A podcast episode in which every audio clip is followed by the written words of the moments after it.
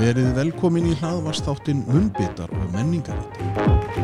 Við erum tveir vinir, Hjeðin, Matmann og Gunnar, matreyslumann, sem viljum kanna hvernig matur og menning fara saman. Hvað hefur breyst og hvernig í matamálum Íslendinga? Hvað er og hvernig byrtist menning í litlum samfélagum á Íslandi? Jæja, nú ætla ég að kynnin Velkomin á Bjargastein Aftur, eftir kaffi Og aftur er rigning. Já, það er skrítið Já, mjög skrítið. Það er mjög skrítið Við vorum að enda spjall við mjög áhugaverðan einstakling Mjög, það er nú, sko, það er nú, við þurfum að- feitletra og undirstreika á allt. Já, ég reyndar var daldið og er daldið nervus uh, um það hvort að við fáum nokkuð eitthvað húk Nei, nei, nei, nei. Er það nokkuð? Nei, nei, mér finnst Þetta- bara mér finnst þetta ótrúlegt Ég- Þetta Mér fannst ég bara, ég sónaði náttúrulega út á tímabili þegar þú- fórst að tala um uh, pólitík Þetta er, pólitík, hvað er að þér, Gunni? Þú varst, nei, kemur ekki tengdamamma hérna í Heyrðu, það er inslægi á okkur Heyrðu, hún, hún vilja Sæl, Olga. Við erum að taka upp, sko, kynningu, Olga. Já, verður velkomin, fáðu að bara? Já. Já, En, en nei, ég finnst bara frábært að, að ungur maður og að byrja, sko, 30 ára í þessum bransa að fara að, að búa til bjór og fara svo í þvílíkt stappið ríki. það er magnar anskot að nenna því Ég hefði bara pakkað saman og farið í kistuna, sko. Já, allavega að fara að gera eitthvað annað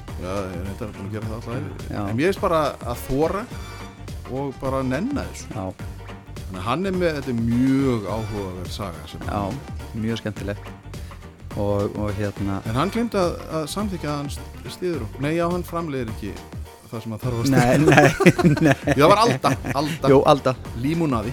Alda límónaði, Já. kollagen. Þannig að unnu og þorskuróði einhver stað að sögum með sjó, var ekki Grindavík? Jú, hljómaði líka mjög lagi. það er flott. En, og aftur, það er náttúrulega hjartpunkturinn sem að er ennþá með okkur. Já, og að setja fólk farið þar inn og setja munnbitar í afsláttakóðan 25% afsláttur endilega kíkja á þessar vöru sem strákanir er að selja.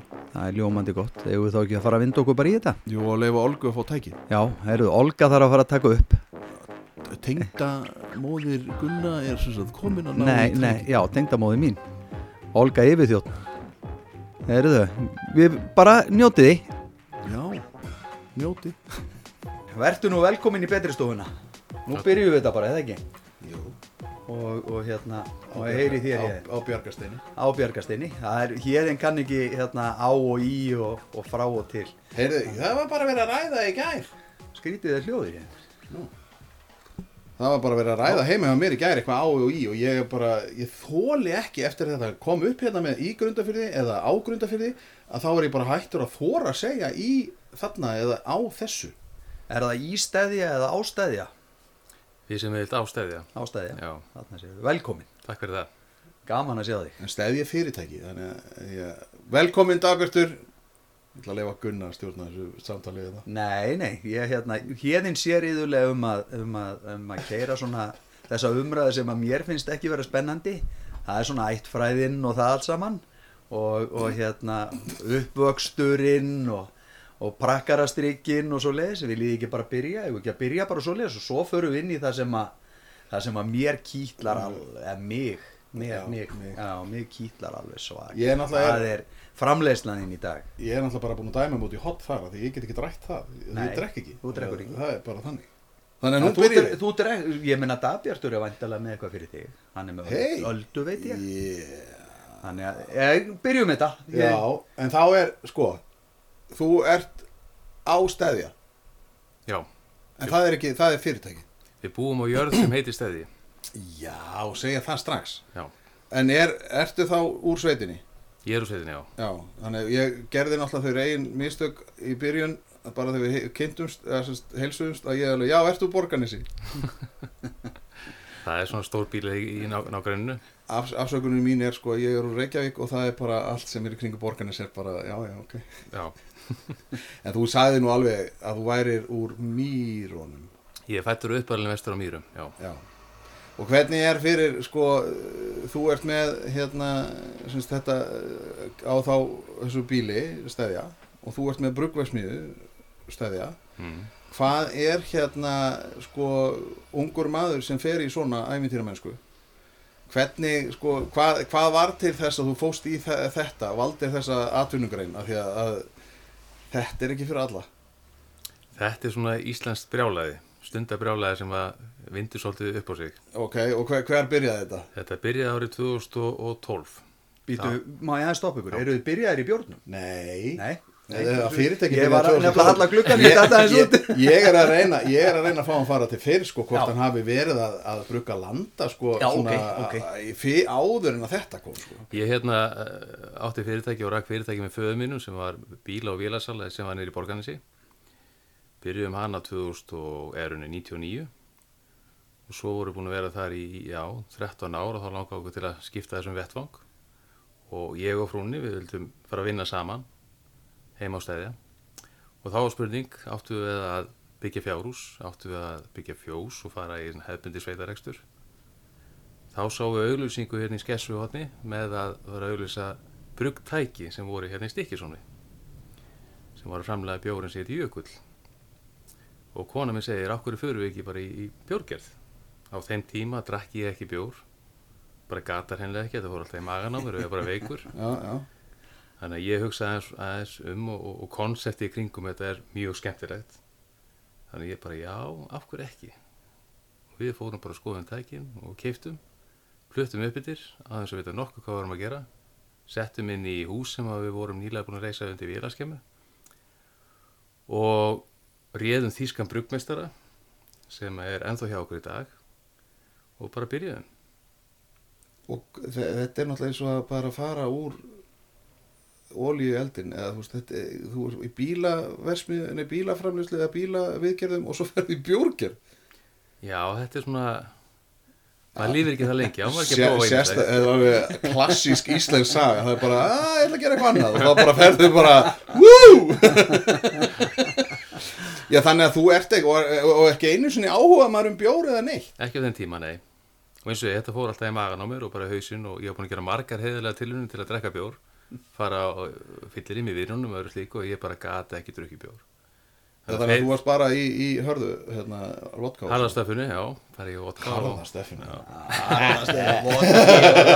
Íslands Íslensk brennivín, að nú vaknaðu félagarnir til Íslands Já, þetta snýrist alltaf um það að ná, ná sér bara mestu áhrifun á sér skemmstu tíma. já, já. Þú var hérna kringum aldamótin. Þannig, að, já, þannig að þetta er eiginlega konuðin að kenna að þú færði í þetta Já, ég kenni henni um þetta. já, en hvað gerði hún þá á þessum tíma? Hún er hásnýrtir og er ennþá að vinna sér slík svona mig og með. Já, þannig að þú færð, svo færð þú bara að sjá um þetta Já. Er það sem sagt samvinnan? Já, það er saman. Er það gott hjá frúnni að, já, við skulum vinna saman Ég ætla samt að halda áfram að klippa Ok En og hvað, ég meina hvernig er þetta svona, þú veist, klóra, hvað gerður? Settur þú bara auðlýsingu í eitthvað þýst blað og bara með handa brugmestar? Nei, við vorum eiginlega svolítið heppin vegna þess að við kaupum tækin þá var sem sagt þessi þýski brugmestari ný komin í stikkisólm og var að byrja að vinna þar. Og hérna, en visti svo vinnuna bara mjög óvænt og við eiginlega gripum hann bara með. Já, ok. Þannig að við vorum mjög heppin og, og veitum hann í borgarfjörð. Þar sem hann kefti sér hús og, og er með konu og, og á nú sí- vona sínu fjórða badni sem er Íslands badn Þannig að það er búið Íslands, Íslands væðan Já, og fann hann sér þá Íslands bónfang nei, hann er þetta fluttið það inn. Já, en börnin er íslensk enga síður. Já. Þá hefur við verið með konu sem hefur elska hesta. Elski ekki allir þjóður að hesta. Nei, hann er samt gaman að segja fyrir því að hún elskar sveppi og er að framlega sveppi. Akkur er koma sveppir allt í hennu bara í annar hverju umræði hérna? Þetta er eitthvað Það, það var, Sara var að tala um það var eitthvað nýtt trend Sveppir Sve, Já, það ekki, eitthvað sveppati eða eitthvað, ég veit að ég þekki, Já, já. býtur, já, við, við komum inn á sveppina eftir, já, sveppir. Og er, er, er, hún, er hún með framleiðsluðan þá í borgarfyrði eða? Já, hún er bara, hún er með aðstöðana við liðin á húsunum sem þið kiptu og eru að að framlega sveppi og selja bara í veitingastæðina sem eru í nágrunnu Já, ok, og er að stækka þá framlegslegin mitt núna, þetta er, kemur vel út hjá henni. skrifa það niður, við erum að skoða það. Gaman að þessu Já, geggjað, meira öftar.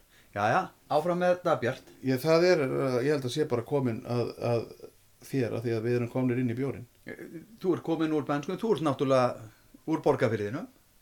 Ég er vestan á Mýrum og Vestan á við Mýrum, já. í borgarfyrin hann 2003, þá kaupum við stæðja, jörðina. Akkurat. Og hérna, býtu nú við, sko, En hann er þannig laga kópósbúi líka sko því að, að mammans, ammans var í kópói já, það er rétt. Er það ekki? þú, þú hérna Segðu bara já.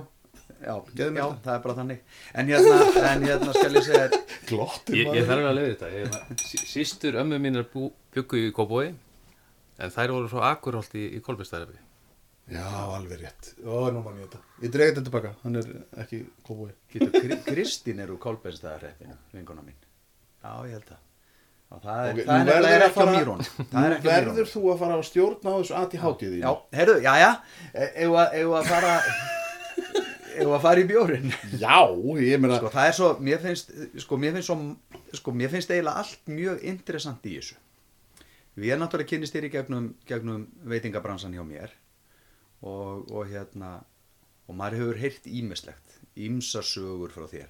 Og, og hérna og, og hérna en mér finnst svona kannski þú veist að fara úr bílabransanum með tæki upp í borgarfjörð heim og stæðja og var þetta svo bara, svo bara plug and play skilur, svo bara vinslan í gang var ekki, þið voruð þið með einhverjar uppskrifti þegar þið byrjið voruð þið með alla kontakta eða hvernig, Nei, hvernig það er raun að vera sko byrjið bara frá nulli kaupum við tækin í apríl 2012 og við förum sjálf og við rýfum þau niður tökum myndir af öllu þannig að getum sett öllu upp.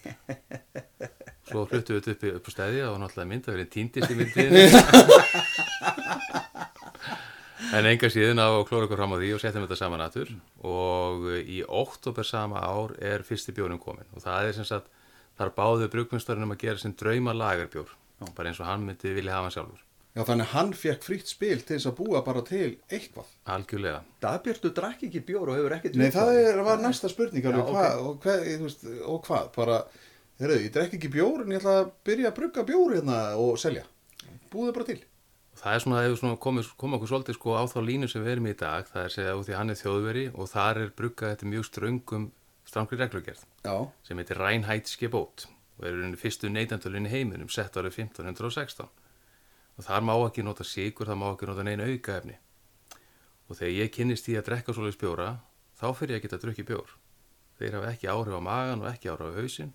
Og getur ekki endurlega staðið svo þess að vera með til skammar eða bara og fara að sofa kvöldin og vakna góð hressa mótnana þannig að þegar ég uppgötta þetta þá fyrir ég að drekka bjórin og, og, og við einsetjum okkur í því að vera með sigurlaus og svona þýska bjóra hins vegar það sem við höfum gert er að við höfum bætt svona aðeins íslensku þema í bjórana til að gera það aðeins áhugaverðari. Og bjór nummið tvö hjá okkur var einmitt jólabjór sem settum við markað árið 2012 og þar settum við lakrísrót sem fá frá Helga í góu. Og uh, við réttum bruggmistarunum lakrísrótina og segjum svona leggjum á nokkuð lína hvað við erum að leita eftir. Og hann hendur henni líka við hausinu á okkur aftur og segir bara nei. Fyrir að fyrsta setur ekki auka ráðöfni bjórin og í öðru lagi lakrís er viðbjóður. Að honum finnst. honum finnst. Og þá náttúrulega fyrir við aðeins að pæla í þessu. Og ef við, ef við smökkum lakrís út í Þýskaldi þá er þetta eins og bara að þykja gúmi Já, hann er mjög vondur lakrísíðar við náttúrulega lakrísrótin er mikið sætari og, og, og við letum að gera þetta. Náttúrulega hugmyndin okkar er síðan í grunninn svo að sem sagt, nota þessa þýsku þema. Og svo það er ákveð box. Og svo erum við að fulli því að íta þjóðverðin út úr fyrir sín þæginda ramma og það er erfitt það var erfitt fyrst en það er mjög nöðvöldur í dag og þetta er svona svolítið pælingin okkar að vera, vera alltaf svona á, á gráðu línu og vera svona koma með eitthvað nýtt og vera lifandi en mér finnst líka að fyndi, sko bara að hugsa til þess, að ef hann hefði ekki lært að drekka bjórin og svo hefði hann gengið um og sagði, og hvernig er þessi bjór? Ég veit ekki, ég drekk ekki bjór. Já það er bara eins og þú Já.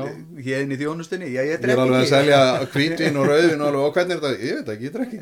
Þú verður bara að kaupa þetta til þess að smakka. Frábært. Það hefur verið hallarslegt ef að þú eigandi sjálfur væri ekki að drekka bjórin. það var mjög hallar en býtu nú við, já En byrju, lakrísrótin, er, er það, akkur, sko, er hún, er, akkur er hún eitthvað öðruvísi hérna heldur en í Þýskaland? Eða er það, eru við þá bara út af því að við erum svona í sigrinum þá, eða Við viljum hafa hafa sætt, við viljum sko? hafa allt sætt og lakrísrótin er unni sko 40 sem sætar en sigur en hún gerjast ekki eins og sigur þannig að Já. það sem að gefa bjórnum er svona smá sæti kemur og lakrís kemurinn Já, og lakrís og Íslandi er, er unnin allt öðruvísi en út í Európa til dæmis já. þannig að hann er mikið sætari hérna heima Og hvernig gekk þetta að þau varst búin að snúa upp hendunar á þjóðurinnum og, og ferkantaða lífinu hans? mér, mér finnst þetta freka að vera ég hefði viljað vera að fluga á vegg þegar fundurinn var. Já, ég ég segi var með það. tískan yfirmann á Hotel Lego að það var oft mjög erfitt. Hann kallaði mig den íslenske gæsa. Það var, þannig fór oft okkar svona samningsviðræður. Ég var alveg Geysirinn, brjálæður, sko, það er bara allt en, brjálað, en hérna, ég, já, ég hefði viljað að fluga veg var það, það háaðsami fundur eða Nei, nei, í raun og veru sko var, var þessi hugmynd með lakrísin og fá, fá þetta hérna, munn hérna stíl komiðlega frá konu minni. Þetta var svona áttur jólulegu bjór og hérna og hún fann hann eitthvað gott sem hann langaði til að koma með og hann gerði þessa fínu uppskriti kringum þetta. En e, þessi bjór skemmtilega til var valin besti jólabjórin 2013 og hérna kom okkur bara rækilega kortið 1 og 3 en, en svo hafa komið íms ímsar hraða hindrunir eftir það. En hvernig, hvernig er það þegar þið eru að fara á stað þarna hvað 2012 já, voru margir aðrir? Nei, ætli við ég held að það veri fjögur lítið brugghús. Við hefum sem að vera fjórða brugghúsið já, sem, sem litla sem að opnar. Já, ok. Svo hefðum alveg snar fjölga núna síðustu þreymur árum. Já, já, Já, það verðist að þetta sprettur upp bara eins og hlaðvörp. já, já eins og hlaðvörp, já, já, eins og ég og þú Já. En hvað er það sem að, að, að, að hann sko, eru þjóðverið þá almennt ekki að bræðbæta sinn bjór? Nei, sko, í þýsku hreinleika lögunum sem það heita, þá máttu bara nota vatn, þú mátt nota humla og þú mátt nota bygg, Já. ekki þar fyrir utan. Og við höfum ein, einskjöld okkur nota þetta, þessar uppskriftir. Þannig að svo í raunin er það þá bara hvernig þið breyta og hvað þið bæta, eða sem sagt gera, það er bara framleysla, eða sagt Það er hvernig... raunin sko hvernig byggið er raunin ristað, þú getur fengið karmelaserað bygg og getur fengið reykt bygg og svo gefa humlaði mismöndi tegund að biturleika. Þannig að það er svona eh, fjölbreytin í bjórunum þeirra. Ég fór í heimsókn í Skanneborg, nei ekki Skanneborg, heldur hérna, að ég maður ekki á, á Lóland Falster, það fóru heimsækja svona bjór burgeri og það var einmitt talað um þennan hreinleika sáttmála, þýska. Og svo fengum við að smakka hérna humluna, er þetta ekki svona lítil græn kott Jú, þetta er raunin bara náskilt kannabisblöndunni og kannabis. og, og hérna það var sko áður en að svo komið bara með eitthvað fötu og maður átt að taka eitt sko.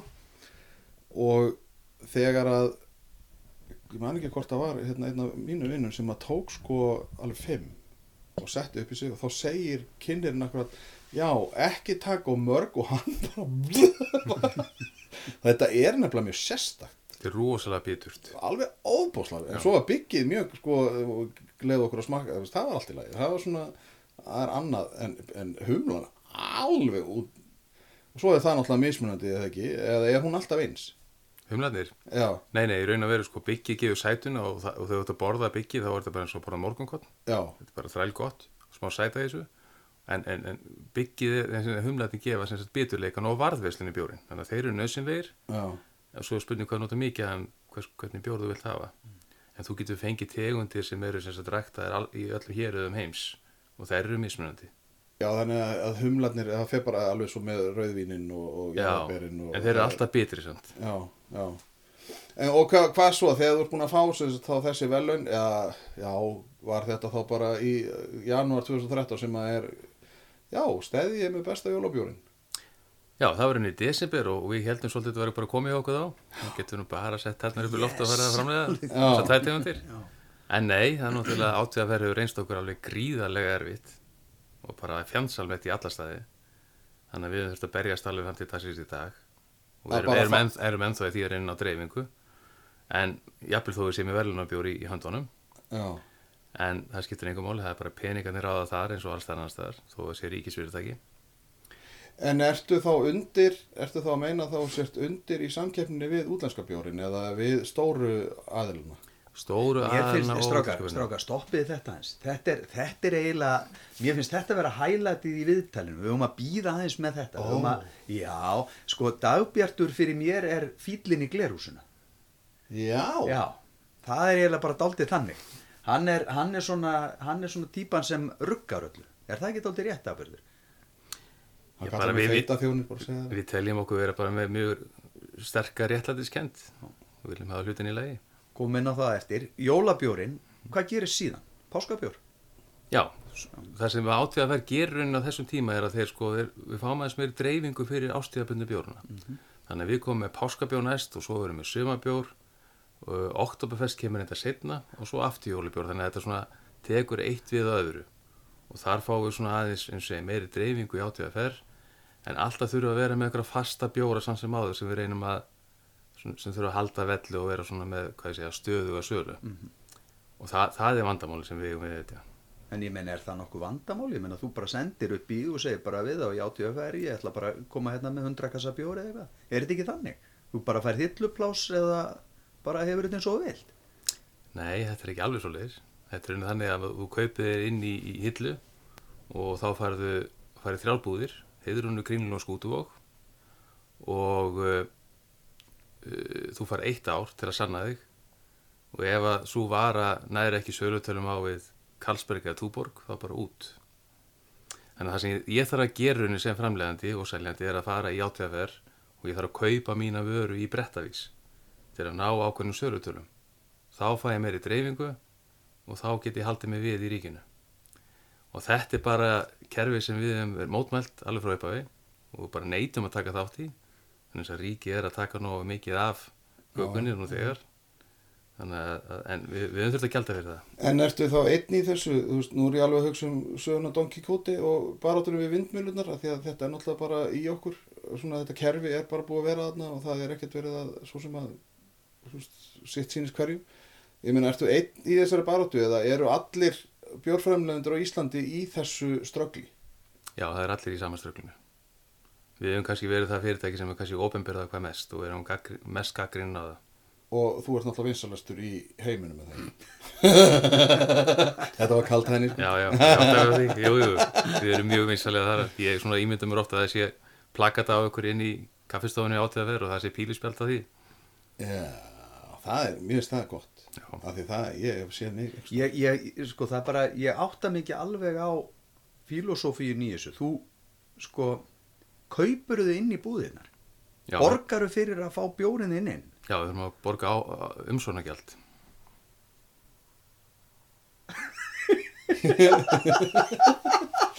Ég vissi þetta. Vissur þetta? Frændi minn var að flytja inn rauðvin.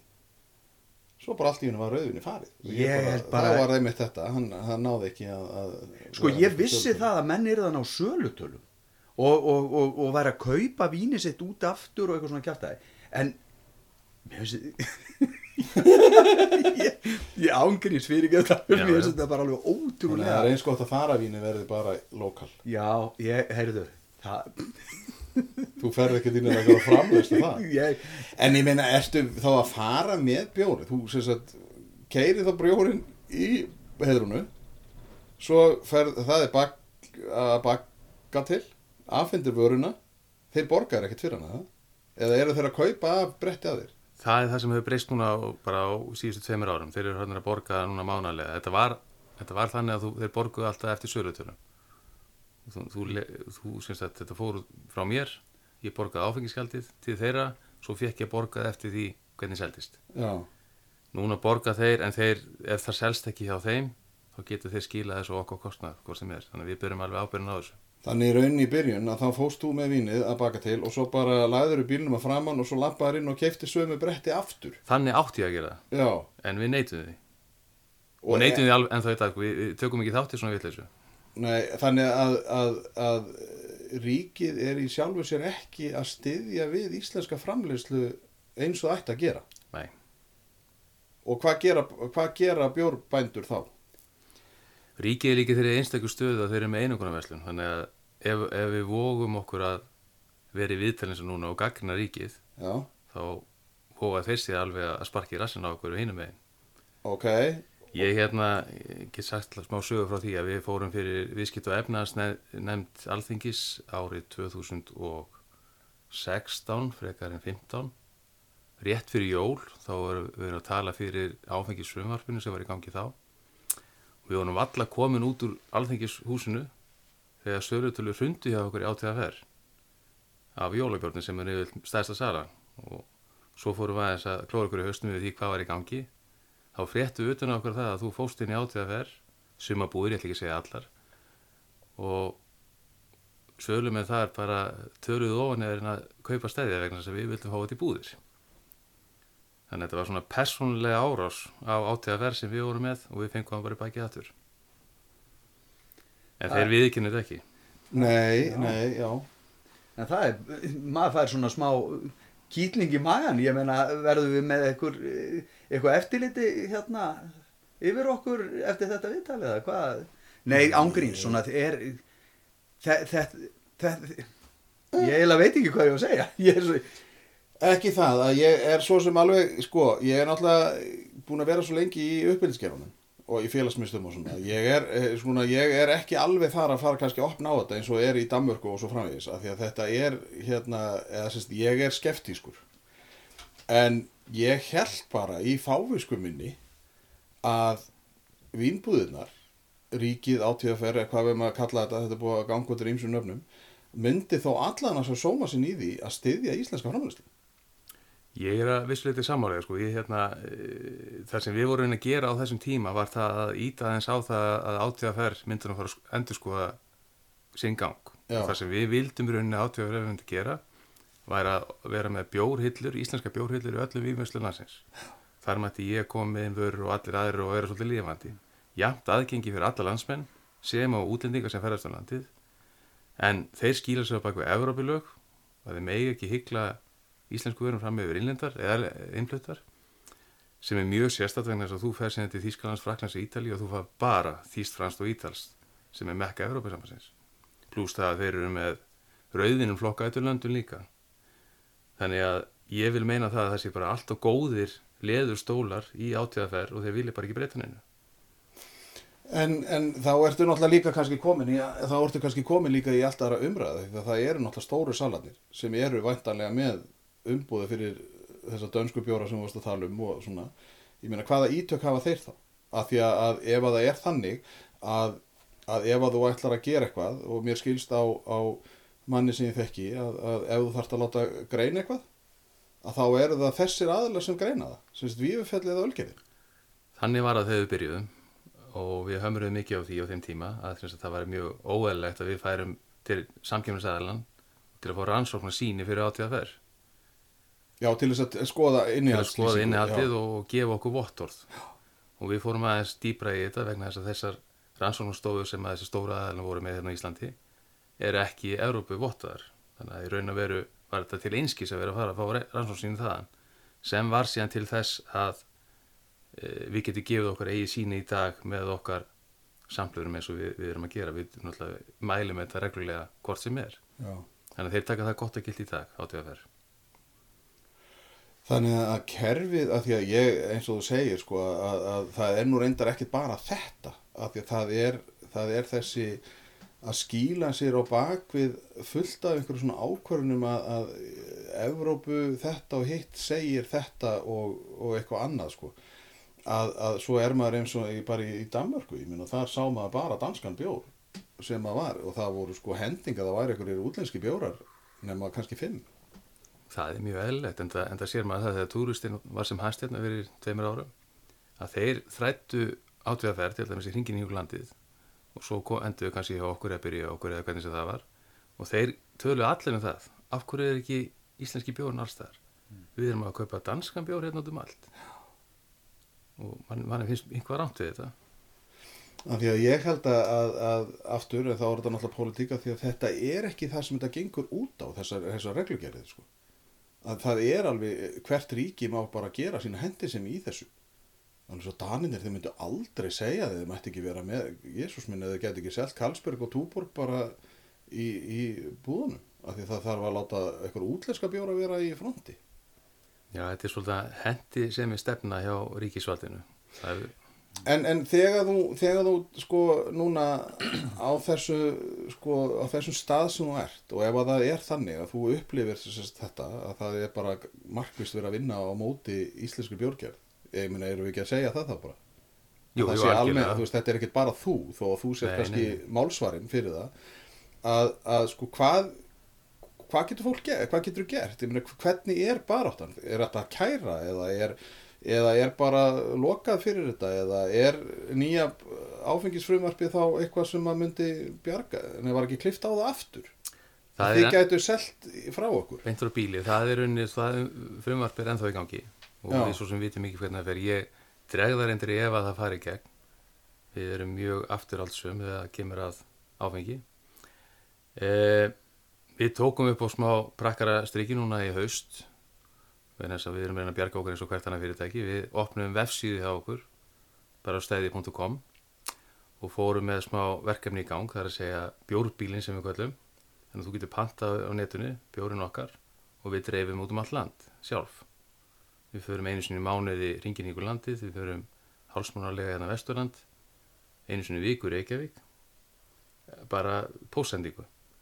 Vegna þess að í raun og veru getur þú farið á neti núna, þú getur farið að opna tölunina, pantað bjór eða, eða vín frá Breitlandi eða, eða Þísklandi og fengið afhend með póstunum. Og það segir löggefun að sé í. En Guð forðið frá því að kaupa íslenskt. Það er ekki leið. Sem sagt þú ert að segja það að þú getur, þú getur pantað þér þú, þú, þú ferð inn á, inn á netið finnur vínbónda eða hvað það er framleiðanda í, í Þýskalandi og þú pantar þér þína kassa bjór og borga það og pósturinn kemur með það heima dýrum með Já, en, en þú mátt ekki sem sagt gera það sama bjóða upp á sömu þjónustu hér heima nei. af hverju er það svo leiðis? Við skiljum það reynilega ekki þetta verður einhvað með einokunar verslum ríkisins að gera. En enga síður þá má, máttu flytja inn sjálfur bjórin. Þannig að e, úr þetta er íslensk vara þá skarast þetta eitthvað á í lögunum. En við tókum upp á þessi haust eins og segja og opna á greiðin vefsíðu og erum að fara bara að erlendi fyrirmynd að gera þetta. Og ætlum að fara allavega með þetta í domstóla ef, að- ef að við verðum kærð. En við sitjum sérst undir rannsókn í dag Við fórum í skýslitöku í óttúber og auka skýslitöku núna í, í mars Hjá lauruglunni? Þannig að við erum reyna að býða eftir í hvort við verðum kærði eða, eða hvað verður og ef við verðum kærði þá fyrir við lengra með það og, ef, og alla litið dómstóli í Evrópu ef til þarf. En hefur ekki verið í gegnum tíðina, sagt, að því að nú er, ég ætla ekki að, að ljúga því, ég held ég var að fara að tala við 75 ára gamla mann, en þú ert nú bara rétt um færtugt, aðeins, aðeins eldri.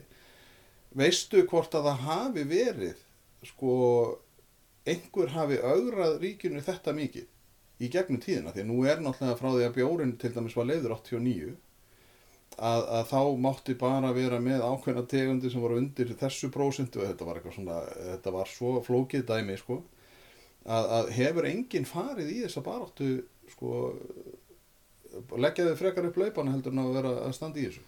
Þetta er náttúrulega svolítið áhættu samt að gera þetta. Þú ert náttúrulega að leggja mikið undir í rauninni ef þú er stoppað það síðan. Þá er þetta bara búið hjá þér. Og við gerum okkur að grein fyrir því að ef að við erum kærðið eða lokað á okkur einhvað þá er bara stæðið í búin, líkvið. Allan á þeim, þeim tímabili. Nú, bjórin 89 hefði ekki verið leiður nema fyrir, fyrir hérna, tilstöðlan Davís Geving sem fór á augra ríkinu hérna, rétt eftir 80. Já. En það tók mörg ár. En það þurftir ekki einhver til að til að poti í björnin. Þetta er alveg ma ma magnað. þannig að þú ert nýji skefing Ég er bara dagbyrtur á stæði. en, en þú hefur gert margt þú hefur gert margt hérna dagbjördu til þess að, að koma þér að í umræðunni ég man eftir ég man eftir kvalabjórnum Já, hann er alveg sér kapitil út fyrir sig. Og ég spurði þig einhver tíman því að mm, sko ég raunverulega vaknaði bara einhver tíman að, að við eigum að, að styðja þá sem eru í nærumhverfinu við eigum að vera svona að reyna að vera saman í þessu en, en þú sagði mér að þegar að, þegar að þið fóruð á stað með þennan bjór að þá hafið þið orðið lægst í hýrakíinu passa það? Já, þetta Býtu, er... má ég aðeins? Já. Mér langar bara að vita hver lappaði á þann vegg þann daginn og ákvað að prófa að búa til kvalabjór Já, það er kannski góð spurning og hvað af dýrinu fór í kvalabjórin? Fytan, kjötið, augað Sko, málið er náttúrulega þannig að við, ég, ég er úr sveitin og við erum svona sveitalega þengjandi. borðar allt sem sagt. Við borðum allt og við viljum nýta allt að skefninni. Já. Og við fórum að hugsa, og pælingin okkar með bjórnurunni eins og við höfum komið með lakrisbjórin sem jólabjór, var að við vildum fanga svolítið uh, stemningun á því tímabili í bjórnum. Já, lakrisbjór til dæmis yfir sumatíma virkar ekki. Þannig að við fórum að hugsa þorrin, hvað er þorralegt? Og við höfum náttúrulega, þorrin er einstakur á heimsísu Já, þar sem við erum nota alltaf skepninni þannig að árið 2014 fyrir við aðeins að hugsa þetta og, og hugsa um á hverju setja ekki kval í veist, þetta er mjög íslenskt og, og myndi bara henda vel okkur þetta aldrei í huga að þetta er svona að miklu sem við vorum að gera þarna. Þannig að við fórum í rauninu og hérna áttum fund með Kristjánu Lofsinni og hann tekur bara upp síman og, og, og ringir íslenska leðin, já. já, já. og fyrir svona að velta fyrir okkur hvað er ekki notað og annars líkt og þá kemur við ljós að það er kvala mjöl sem að hann á sem við getum fengið. Og við fyrir maður að stúdira það. Fáum hann mjöl hjá honum. Og búum til bjór í kringum þetta mjöl. En, en það er sem sagt er döðreinsað búið að hita þetta upp í 800 gráður þetta er henni bara beinamjöl setjum smá í, í bjórin þessu pröfu sem við erum með og þetta kemur bara feikið vel út, mjög reyktan og spesbjór mjög þorralega bjór. Og setjum inn í ríkið nema hvað þá kemur heilbríðseftilitið og, og, og stoppar okkur af. Vegna þess að kvala mjölið hefur ekki verið sérstaklega unni til manneldis og þannig að þá upp er svona smá lögfræði drama í kringum þetta sem endar á því að ráð þeirra á þeim tíma leifur okkur að selja þær byrðir sem áttum meðan hann er að fjalla um málið. Og það er seldist upp bara 1 og 3 allt sem áttum. Og setna um árið er úrskurðað þessu máli það að við fengjum vottun á mjölið þá mættum við halda þessi bjóra ára við erum orðin hundfúl út í kerfið á þessum tíma hvernig það er vinnur á móti manna vegna þess að við vorum að koma með og einni nóttu voru, voru þekktasta brukkurs í heimi. Vorum í viðtali í Washington Post, New York Times öllum þessu fréttamilum útvarsmiðlum, við veit ekki hvað og hvað átt að fljúa okkur út í viðtöl og sem að síðan Íslenska ríki stoppar að með heilbriðis ákveðin sinni á þess að þeir tala ekki eins og við okkur, þeir bara byrta okkur stefnu og loka. Ræða ekkert um málið. Eh, Loka þá framleiðslunni loka eða- framlýstin á þessum bjór. Já, ok, já. Og, og, og passa sig að gera það e, með hérna í gegnum fréttamila þeir tala ekkert við okkur nefnir í gegnum fréttamila og þetta veist okkur mjög bara ósvíverðu nálgun. Þannig að, að við þurfum að fara lögfræðilegin að þessu í staðin fyrir að bara ræða málun eins og við gerum í sveitinu og leysa þau. Nú við erum hann freka fúl þannig þetta haustið út af þessu vesinni sem varðum þetta þannig að við ákvæðum að þó hvað annað af kvalinu var ekki notað. Þá kemur það að ljósa kvala eistunir eru ekki notuð. Þannig að við tökum upp á því að vinna þau sérstaklega til manneldis fá gæða handbók í kringum vinsluna á taðreiktum kvalseistum þannig að Þorrabjór okkar næsta ár verður taðreiktur kvalseistuna bjór sem útlest á ennsku sem sheep shit smoked whale testicle beer Þetta er bjór sem við framleiðum með þá í dag og þetta er að brjálaðist bjór í heimi og þorrabjórn okkar. Ertu ennþá að framleiða Við þetta? erum ennþá að framleiða hennar bjór. Meðan við fáum eistun þá framleiðum við hennar bjór. Má ég heyra aftur nafnið á ennsku? Sheep shit smoked whale testicle beer. Þannig að þú þarfst að fúla kerfið með því að búa til eitthvað sem er til mannheldis. Já, En ég meina, akkur er, er ekki, er ekki fiskibein, fiskbein, er það ekki notuð í mannheldi eða er það ekki, á þessum, á þessum tíma eru við búin að gera til dæmis þarabjór úr þara sem var ekki sérstaklega unnið til manneldis. Og það má týna alls konar uh, jurtir í, í, í, í lífríkinu sem fuglar eru búin að drýta á allt það hvað eina og setja í vörunni en á þess að þurfa að huga að því áður og nota það í framleyslu en úr því að þetta var kvala afurð þá stigu óvartinni mjög pólitísku umræðu sem við erum áttum okkur enga á þegar við vorum að byrja. Íslenska eða bara heimspolítik? Ég vil meina að sko Íslendingar eru nú ekkert svo uh, svægi fyrir þessu en heimurinn er mjög hvað ég segja uh, heimurinn er upplýstur mjög illa um hvalveiðar og hvað er í gangi. Já, spurninga til dæmis sem ég var að fá frá Washington Post voru það hvað við varum með mörg skip úti til þess að geta framleitina bjór. Mm. að veiða marga hvali. Og og þú hvað sagði bara, marga hvali í hverja framleyslu var þetta ekki kannski einn eða? í dag eru nota eitt eista í hvert, hverja lögun. Ég er reynda núna, afsakið, en ég er alveg að reyna núna að finna gút hvar eistað og hvar Það ertu nú ekki að spá í því? Nei, bara allt í Ég náttúrulega, ha, þetta, er með eistað, hvar er það? En þú fæst morðhóttan, já það Ha, Jú, jú, við fengum orðhóttanir og, og, og, og það var búið að beina hérna, að utan? já, já, ég, ég held það allavega, og beina hérna Paul Watson sem að, að koma að brenna á kofan á okkur og ég veit ekki hvað og hvað. Já, frá hérna Sea Shepherd. Já, það er enda eini maður sem er útlegaðu í Íslandi. Já, það er maðurinn sem að sökti kval átta, Já. eitthvað hann einu sinni. Já, já Þannig að hafa ímislegt hafari í kringum það. Og er ennþá rauninu, við fáum í ennþá pósta, en það er dag. Þannig að það, sko, hugmyndin raunverulega var ekki til þess að þetta var bara góð hugmynd af Þorrabjór þetta, þetta kannski, þið óræði ekki fyrir því að þú fengir þessa umfjöldin eða skilur mig, þú, þú, þú gerðir þetta ekki gaggjart til þess að fá umfjöldina Bara alls ekki, við vildum bara gera íslenskan þorrabjór Já, já. og hugmyndinum segja Bara ástíðar bjór, Já, alveg svona já, að gera í eitthvað, alveg eins og við erum að tala um að gera eitthvað svona í kringum eitthvað akkurat. með matarkynns eða ég eitthvað held, bara, ég held bara að hann væri klárar en það hann dagbjartur að hann hefði séð þarna markasetningu í þessu En Nei, hann er það ekki það Nei, er, það er bara oft þannig að, að svona hugmyndir koma bara og það eru um, almestu snillingandi sem gera þetta, að auðra kerfinu. En það sem, eins og seg- sko, sko, við horfum á þorran sem guðurinn bara lífsbjörg fyrir fólk eða forföður okkar, þetta Já. sem bjargaði forföðurum okkar inn á öldum áður, með því að nota rauninni alltaf skefni, síra það eða reykja það eða hvað það var til þess að hérna, endast í vetratíma. Þannig að nota allt það sem er ekki getið nú þegar. Og það er rauninni bara grunnpælingin af hvala bjórnum. Já, ég ætla ekki að ræða líka það sem ég má ekki ræða. En, en, nei, verði ekki að því, en þú hefur, ég veit að þú hefur verið í samba, eða, samstarfi við bakari í Borganesi með einhver afur sem þú býður upp á, upp á stæði, eða ekki? Við, við erum alltaf með einhverja tilhörunir í gangi og við vorum með tilhörunir fyrir tveimur án síðan og í fyrra reynda líka þá vorum við að gera eh, rúbjór, brugga eins og stu rúi og með rúbröði frá gerabakari. Já, Kom ríkalega skemmtilega út. En þetta er alltaf spurningi eins og með þann bjór, þetta, er- við verið að taka mikið á móti túristum og við erum að kynna mikið. Þannig að við notum þann bjór svolítið í kynningarnar en það er svo mikið batteri að vera að borga umsvonargjaldi átt að vera setjan á markað með tilhengandi kostnaðar sem hönnun og miða og aðru slíku að það bara reynilega borgar sig ekki fyrir okkur. Þannig að sumi bjóra fara ekkert lengra en þetta.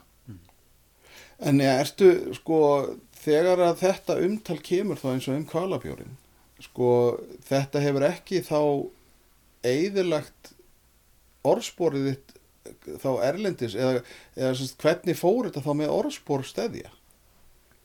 Orspór stæðja hefur beigð alveg ríkalega en ekki hérna á Íslandi. Af, fyrir okkur, Það frá Íslandingum. út af kvalabjörn? Já, sko, við Íslendingar erum alltaf svægið fyrir umræðin sem er úti Já, og í dag er, er 50-50 hvort þú vilji kvalveðar eða ekki og það er verið að koma því svolítið að núna. Fólk sem vill ekki kvalveðar, það vill ekki stiða bjórin og ég virði það alveg, Já. en það vill heldur ekki köpa neiðin afur frá okkur, frá stæðja. Ok, ég meina þetta er það bara þannig, en þú veist, fólk veit á hvað við erum að gera. já, Við stöndum bara með okkur vörum að föllum með henni. En, en erlendis er þetta meira sko, eins og segir, sko, þeir vita er ekki alveg um hvað máli snýst með kvalveðar á Íslandi og þá er bara allt vond sem við kemur kvalveðum en það náði mikill umfjöllun þar sem varð reynda til þess að við erum fann flytja þó nokkuð bjór út. þannig að það er eitthvað gott sem kom Já, út já, þessu. við, við, við, við erum þekkt sem brjálasta brugghús í heimi með Já. brjálasta bjóri. Þannig að við erum, við erum umbúðsal núna út í Austuríki, í Skandinavíu og vorum stóra sending út í Finnlands. Það er þetta svolítið skemmtileg að sagða frá því. Tökum hann á eftir. Já, já, ok En, en, mundu, mundu, mundu það, mundu það já, finnandi nummer eitt í heiminum, manstu, Já. World Happiness Já, Report. já, ó, já, já. Hérna, en, en og hvað hva gerir maður sko þegar að þarna er að þá ertu búin að vantanlega að þá komið náttúrulega aftur á þennan fræga vegg átíðaferð og ríkisins og svona hvað gerir maður þá? Hvað, hvað, hvernig, hvernig náðuru og hefur náða að rýsa upp úr öskustóni út af þessu?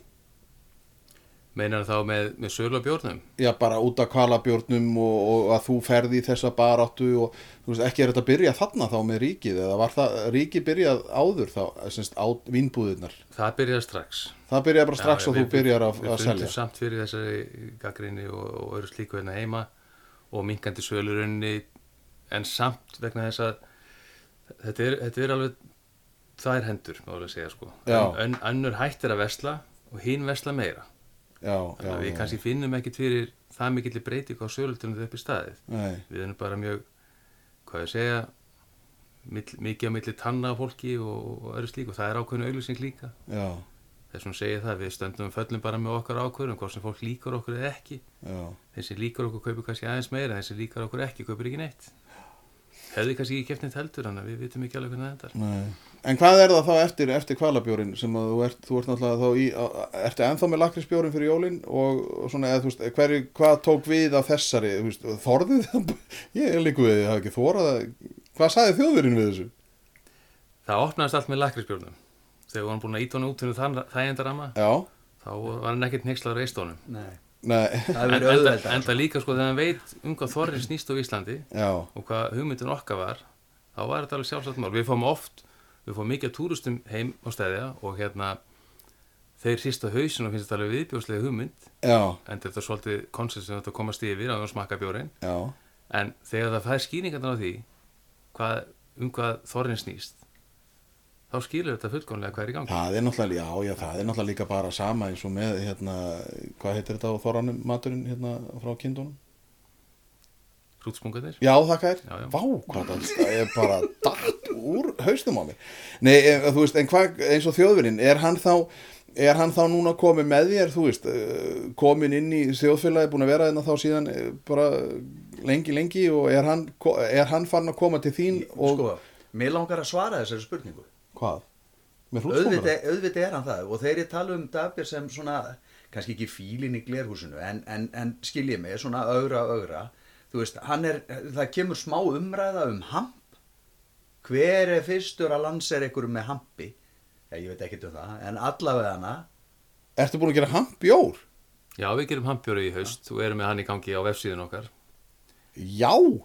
ég er með einn heim í skáp þar að smakka. En, byt, en sko, að því að þú ert búin að opna á þetta box hjá þjóðverðanum að það megi prófa ímislegt hefur hann komið með einhverja hugmynd þar sem þú ert bara uh, nei, nú ert þú alveg komin út fyrir sko, ekki það að kvalseistunir það er ekki hægt að toppa þetta neinstæðar sko. Hefur hann komið með einhverja hugmynd þar sem þú ert bara ertu nú alveg, Helmút, ertu nú alveg viss um þetta? Hvað heitir maðurinn? Hann heiti Filip Ó. Já, hann hann hefur alveg komið hugmyndir og hann kom átti páskabjór sem settum markaður 2013-14 þar voru við með eitthvað sem heitir Illisblóm og Lundablúmin sem er mjög þekkt út í Evrópu. Alls ekki þekkt á Íslandi og var mjög framandi bragð þegar kom hérna þá. Þannig við vorum aðeins og undan þeim samtíma. þetta er alveg gósi Hvað heitir þetta aftur? Elderfláur, eða ekki? Já, eldri fláður Já, Þannig við prófum það á sín tíma. Og jú, við hefum prófað ímislegt og hann er komið fullt af hugmyndu líka og við svona vinnum þetta bara já, hugmyndin okkar líka bara að hluta því að vera til ennþá vera að hafa gaman á hlutunum já og koma eitthvað nýtt við vorum, við vorum aldrei með eitt góðan í fyrir sumar og verðum með áfram Rababarbjör? Rababarabjúrin. Ég veit ekkert hvort að það viltu setja ykkur rababar í hann, það er aftur allt annað mál. Það getur vel verið að hafa verið ykkur eistu í því. Ég sagði, ég var með eitthvað mjög góða Það er Rababarbjör rosalega góður. Hefur þú smakað? Nei, nei, en ég bara mér skilst þetta sé þannig Og við verðum með hann áfram, þú þarf að henda, fara að hendi núna. Já, sjálfsög, við erum búin að gera klárt í það En þessi hampbjór, nú ég bara, ekki það, þetta verður Héðin er, héðin er alveg bara eins og ég var áðan. Já, nei, að því að nú er, ég veit alveg hampurinn er ekkit, það er ekkit, við erum ekkit að tala um einhverja, einhverja kannabis, því ég er nú alveg, það, ég þekki nú aðeins meira til þess heldur en það, ég hef aldrei skilið akkur að hann var tekin alveg út, að því að, að þetta var náttúrulega til hérna bara sem hamp yðjan, þannig ég veit ekki hvað hva gerðist. Hvernig er það að vinna með hann, veist, er hann nú á hampurinn að vera mjög, hérna, góður fyrir helsuna?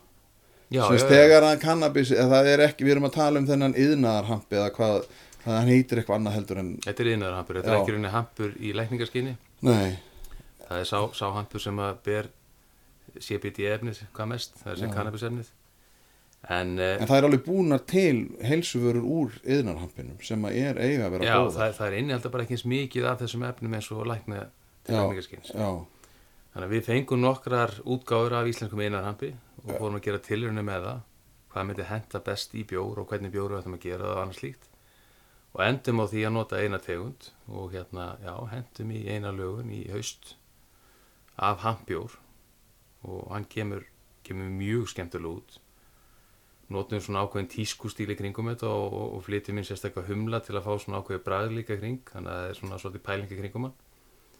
Og viljum svo meina að veiti tvöföld áhrif hann náttúrulega er áfengi í honum og svo náttúrulega er hamburinn í honum. Og þannig að hann er, þetta er áfengi og holt. Já, ég er ekki, hvað, ég er ekki að horfa mig. Ég, Ég bara fór ekki að segja neitt því ég er alveg bara, hann er alveg að rústa hérna anstöðu minni við svona ákveðna hluti.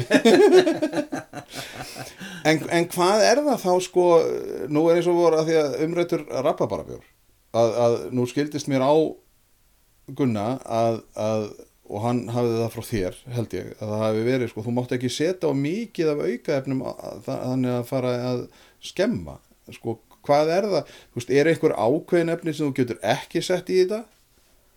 Eða þú veist, hvað, hvar er línan, hvar segir Filip jú, Filip, hann, hann er sem sagt sko, þetta er fjár ára háskólanámið í Þýskalandi að vera bruggar Nákvæmlega, þannig að hvar setur hann línuna við sko hvaða sko þegar þú kemur alveg, herðu við skulum setja hérna grjóti í þetta, þá er hann alveg bara, uh, nei, hvar setur hann línuna, svona, hann hlýtur nú að vera með einhverja línu. Já, já, algjörlega, sko, hann, hann passar sig á því og allt, í Þýskalandi snýst allt um vel balanseraða bjóra. Já, Það er að segja maltið yfirgnaf ekki humlana og svo framvegis Já. og humlandi sé ekki og kræfir heldur. Þannig að þú getur drukkið mikið af þessu á þess að hafa mikið áhrif á líkamann og, og, og bara bragðið fara ekki bara út um allt. já, Þannig að hann er alltaf með það bak og eira þegar hann er að hann eitthvað svona bjór eins og með lakrísin eða, eða með hampina hvað það er að það fari ekki fram úr bjórnum og, og yfirgnafan. Heldur er svona bara gegnum gangandi í bjórnum eins og með rababarbjórin. Þú ert að drekka mjög góðan bjór og ert með mjög góðan keim af rababara. Það er ekki verið að blekki einn eða neitt, það er rababara þarna já, en hann er ekki að taka við bræðskinnið. nei, já. Þetta er alveg ekki að bjór Það er bara svo leys Já, já, ég minna það, fólk var alveg sáttið hann, þannig að ég bara gæti ekki sagt neitt um það, því ég smakka hann ekki. Þú getur nú smakkað á spýt Mér- Já, jú, jú, það er reyndar alveg rétt. Já. En þá er það, nú máttu spyrja. Finnland, Já, finnska saga Já, finnska sagan, hún er einu þannig að sko, eins og við talum kvalabjörna, hann hefur rutt svolítið leðina í útlutningi á okkur. Uh, í Finnlandi er ríki sem heitir Alcoa, það er svona í finnska ríkið og þeir selja bjóra sem er yfir 4,7%. Allt annað má selja í, í búðum. í búðum. Þeir nálguðust okkur og vildi aðtuga hvort þeir mætti flytja einn kvalabjörn eða fá að smakka, byrjuði fyrst á því. Það var nú bara í, já, það er nú komið tvö ár síðan og ég sendi pröfur út og þeir smökkuða og hann svolítið svínvirkaði, þeir voru rosalega skotnir í hann vildi endilega fá hann í sölu og jú, ég var alveg til að brugga fyrir þá kvalabjór til að senda til Finnlands. Nú, þegar við vorum búin að ná samningum öðru slíku, þá kemur í ljós að finska utanrikiðsáðarendið það samþykir ekki bjórin vegna þess að það er kvalafurð í hann og þeir eru inn í Evrópusambandinu. Þannig að Evrópusambandi bannar allt með kvalafurðum og þá eru góður á dýr, það er eiginlega bara businessi búinurinn Já, En þeir nálgust okkur þannig hvort við getum bruggað þennan bjór og sleppt kvalnum eða gert eitthvað sérstaklega fyrir þá. Þannig að við förum aðeins, við þurfum ekki að hugsa langt, en já, já. Þannig að við komum með bjór sem heitir hrútur og er bruggað með nákvæmlega sömu uppskrift á kvalabjórin nema þar notum við taðreikta hrútspunga. Og hann er í öllum výmjöðslum alkói í Finnlandi, sá bjór í dag.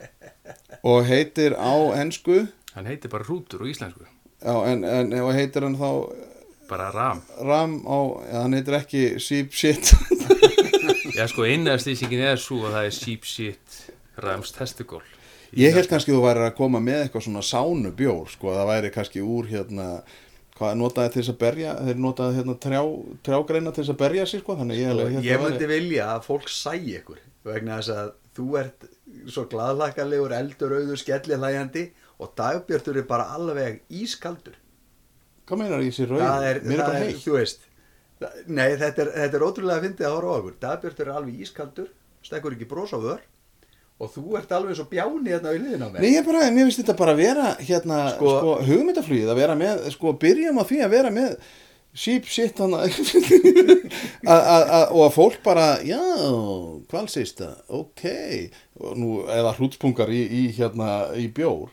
En með þessuna er bara, ég, ég held að væri að fara í svona einhverja trjágreina hérna, lemja, þú veist, þetta myndi verða eitthvað svona sána, eitthvað tengt sána hjá finn, já, finnum já, ég skilji já. Þannig ég bjóst ekki við að þeir eru hrútsbjór Nei. eða hrútur og eru þeir alveg viltir í þetta?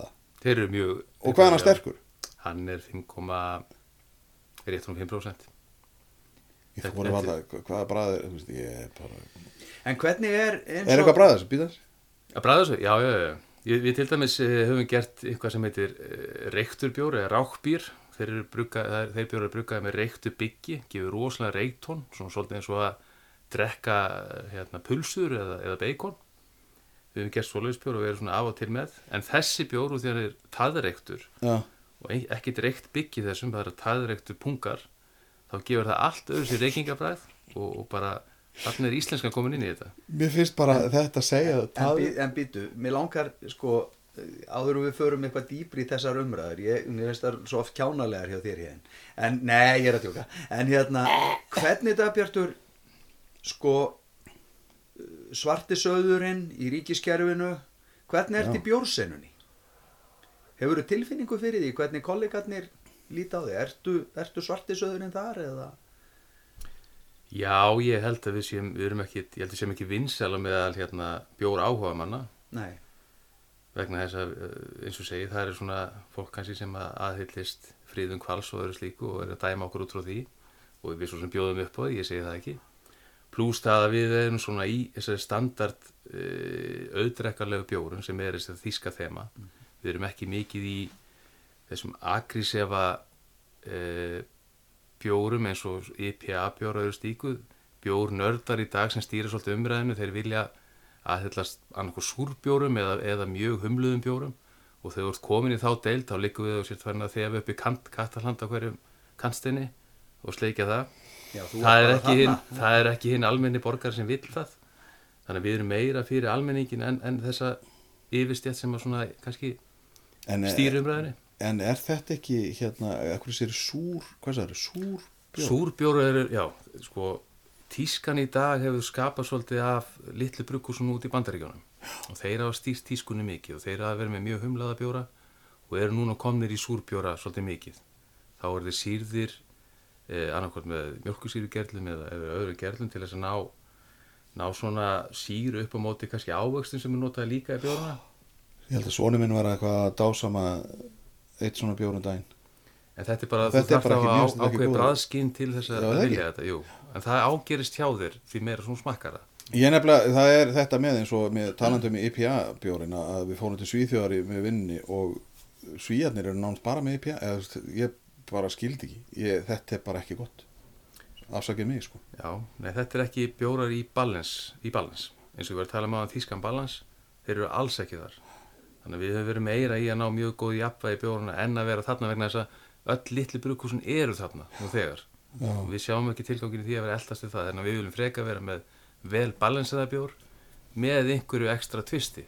En, en ertu það að því úr að segja að, að bjór áhuga menn eru kannski að, að, að útiloka ykkur út af þessu einhverju stefnu eða samvisku eða hvað það er ég meina er, er þá kannski ertu með, þú veist, er Reykjavíkur svæðið höfuborgarsvæðið er það, ert að selja minna þar heldur en til dæmis út á landi því að það fólk náttúrulega kannski er þólinmæði fólks út á landi öðruvísi heldur en í höfuborginni Nei, þetta er reynda mjög góð spurning vegna þess að bjórarnir okkar mjög góð spurning Já, bjórarnir okkar eru rauninni bara til sölu í Reykjavík og það er bara áttið að fer sem stýri því. Það er stóru búðin sem fá að selja bjórarnir okkar. Já, Við náum ekkert út á land og við erum að finna fyrir því núna eftir að vera markanum í tæp tíu ár. Fólk á landsbyrjun þekkir okkur ekki, við séum til í appel. Þeir ekki séð þetta í búðin hjá sér. Þetta er rauninni vandamáli okkar í hnótskurn, já að fer. En þetta er, ég er ennþá, ég er ennþá gáttaðar á því að íslensku framleyslunni sé ekki meira hampað í, hjá, í vinnbúðunum.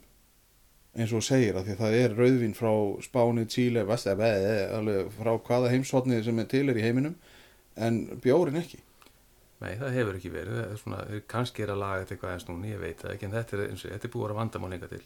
Og ég vil meina það að vandamál sé út af því að þeir bara ekki vilja breyta neinu, vegna þess að þeir hafa það gott. Átjáfer er, er stopnum sem er stjórnað af forstjóra, sem hefur aðstofforstjóra, sem hefur þrjá undirforstjóra, sem hefur fimm undir undirforstjóra. og það er engin stjórn yfir þessu. Þetta er bara óstjórn. Hvað, hvaða maður sem er reikið þetta fyrirtæki skila hagnaði. Að það getur auðvitað ímyndað að böðlið hann innan þeirra. En þetta er náttúrulega það sem er að gefa, en þetta er náttúrulega samt tekjurna fyrir ríkisjóður, náttúrulega ómældar frá þessu fyrirtæki, en það líka hækkaðir þetta á hverju ári, af því að það þarf að, rétta tapið á ríkisjóði Ég, Ég man sé, bara ekki eftir árið þar sem við ekki þurft að breyta fyrir þessu aukanum á einhvern nátt. eða Þetta er alveg að bjór, þetta hækkar út af einhverju Já, nákvæmlega. En hvernig hérna, Dagbjörtur, þú ert orðið náttúrulega bjór áhuga maður í dag. Já, já, mér finnst mjög gaman að smakka alla bjór og ég segi gærna að það er engin bjór vondur. Nei, Það er bara mjög skoður. já, já, akkurat, bara eins og með matinn, ekki nema maturinn sé skemmtur, þá er hann vondur. En, en hérna, er, sko, nú náttúrulega spyr sá sem ekki veit, eru þið með eitthvað svona félag þar sem þið, þið bruggararnir komið saman eða fram, hérna, framleiðendurnir minna ég og, og, og, og skiptist á skoðunum stiðið hvort annan og svo framvegis eða er þetta bara hver í sínu hotni og, og svo bara kemur einhver eilita, ég veit ekki hvernig þetta virkar eða einhverjir aðeila sem að svona stiðja við bakið á, á eða hvernig, hvernig virkar svona? Við, st- við litlu brukusum stopnuði félag fyrir tveimur ára, eða þreimur ára síðan fyrir, hérna, fyrir litlu handverksbrukusin þannig að sem að koma svona fram svona sem frontur fyrir okkur öll. Þannig að það er svona lobbyistefni fyrir okkur að reyna að fá eins og lítil skref breytingar eins og með áfengisverðarferð sem er í gangi í dag. Þannig að það er svona það sem við treystum á þar. Við kannski höfum ekki þólum að því svona eftir allan tíma þannig að við kannski hlaupum aðeins framar okkur á og til. En hvernig hérna, sko nú ertu, nú ertu líka að reyna að koma þér inn á veitingastæði ekki satt? Jó. og hvernig gengur það? Ég meina hvernig er ertu inn á mörgum stöðum eða? Já, okkur er gengið vel hérna á Vesturlandi. Já, og við erum bara mjög þakklátt fyrir það. Og það er kannski tilkomað þess líka er vegna þess að túristinu er kannski kalla eftir lokal vörum þannig að þá kannski leita freka til okkar sem bara mjög þakkavert og gott bara það að fóru valkostur er gott fyrir okkur í rauninni en, en hérna í Reykjavík og, og, og er mjög erfitt að koma að stað þar er, eru stóru félögum með alla hítuna og, sjáum allt stóru félögin þá ertu að tala um Ölgerðina og, Og. Já. eða hvað heitir það þetta? Coca-Cola European Partners, er það ekki svo leiðis? Já, ok. Ég vil bara eins og Já, við- við höllum bara við. Ég segi alltaf Vífilfell, já, ok. Já, þannig að, þannig að það er erfitt fyrir, fyrir þá smærri að komast inn með sína vöru. Já, það, er- það, er, runni, það er mjög erfitt vegna þess að ég skilða það vel sem uh, verðt eða bara eigandi einhvers staðar með góða reynslisbar gerir góða samninga við þessi félug og, og, og farið mjög góða bytling í staðin Já, og það er bara erfitt fyrir litlu brukusn að keppa við það. Enda, enda kannski, já, já, já, það er náttúrulega þannig. En þetta er, ég, þetta, mér finnst þetta rosalega sérstakt bara að, að þurfa að standa í þessu sem einhver, uh, að, við, að maður hefur einhver drauma, það er einhvern veginn, og ríkið er að íta á einhverja nýsköpun og, og vera með matvalasjóð sem að íta á nýsköpun og svo gera er þetta, að, að ríkið sér sjálft að hindra einhverja framþráin í svona, í þessu, þessu. Er það að reyna að fá mig til að tala núna? Nei. Ég sé þú horfur á mig. Já, ég, nei, þetta var bara er því að, að þér er náttúrulega matvælasjóður mjög þú ert mjög, þeir eru mjög umhugaði matvælasjóð Já, þú eiðilaði það fyrir mér. Hann Já, því gerði, Héðin gerði umsóknina og Selma losaði henni bara að það væri bara eins og eftir smákrakka, grunnskólakrakka. Já, en það er nú annar mál. Neða því að ef þú ert að gera svona hluti að, að þetta er sko mjöðurinn er náttúrulega eitthvað vikingadæmi Mm og það var gert á einhvern ákveðin hátt og, og þeir drukku þetta. Mér skilst nú að mjöður hafi ekkert verið eitthvað varan góður? Hefur þú prófað, ert að gera mjöð til dæmis? Sko mjöður er gerður úr hunangi. Og ég hérna, ég dregi efa að vikingar hafi verið að gera bjór úr hunangi á sín tíma, allavega hérna í Íslandi. já, Þannig að við erum svona, við, við erum verið að reyna að leita eftir heimildum hvað voru þeir að gera. Já. Voru þeir að nota mjaðar jurtina sem sem er ekki út í vegkondum í dag eða hvað gerðu þeir til þess að brugga? Við bara, við áttum okkur ekki alveg á því. Við svona sem höfum aðeins enda tegja okkur í, í sögursagnar við reykólti sem er nák nákvæmlega við okkur. En mjöðurinn er bara sérstökur drikkur og hann hérna mér finnst hann persónulega ekkit spes en hann er eins og bara IPA eða súrbjór þetta svona að þú smakkar þetta og þið það vond fyrst svo drekkur meira meira af þessu þannig að þetta er bara besti drikkurinn í heimi. Já, en það, já, það var nefnilega, ég man ekki hvar umræðan var, hvort að vikingarnir höfðu bara komið með þetta í skipsförmum þegar þeir fóru til Norex og þurftu að tala við kongin og þá fengu þeir bara unokki með sér.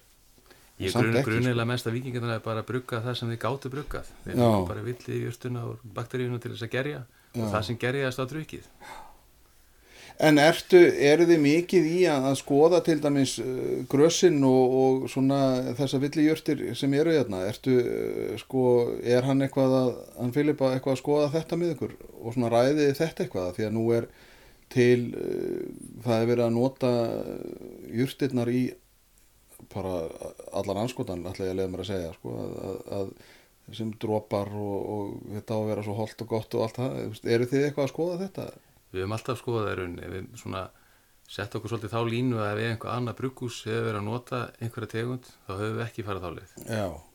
og það eru bara brugghúsin hafi verið svolítið mikið að prófa þetta þannig að við, eins og við höfum ekki verið að þælast fyrir öðrum brugghúsum ef þau verið að nota ákveðna vöru, einhver linga eða, eða hvað það nú er. Já. Já, við höfum skoðað mikið á margt. En eru margir að nota, er til lingbjór? Það er búið að framleiða allan anskotanlega með að segja.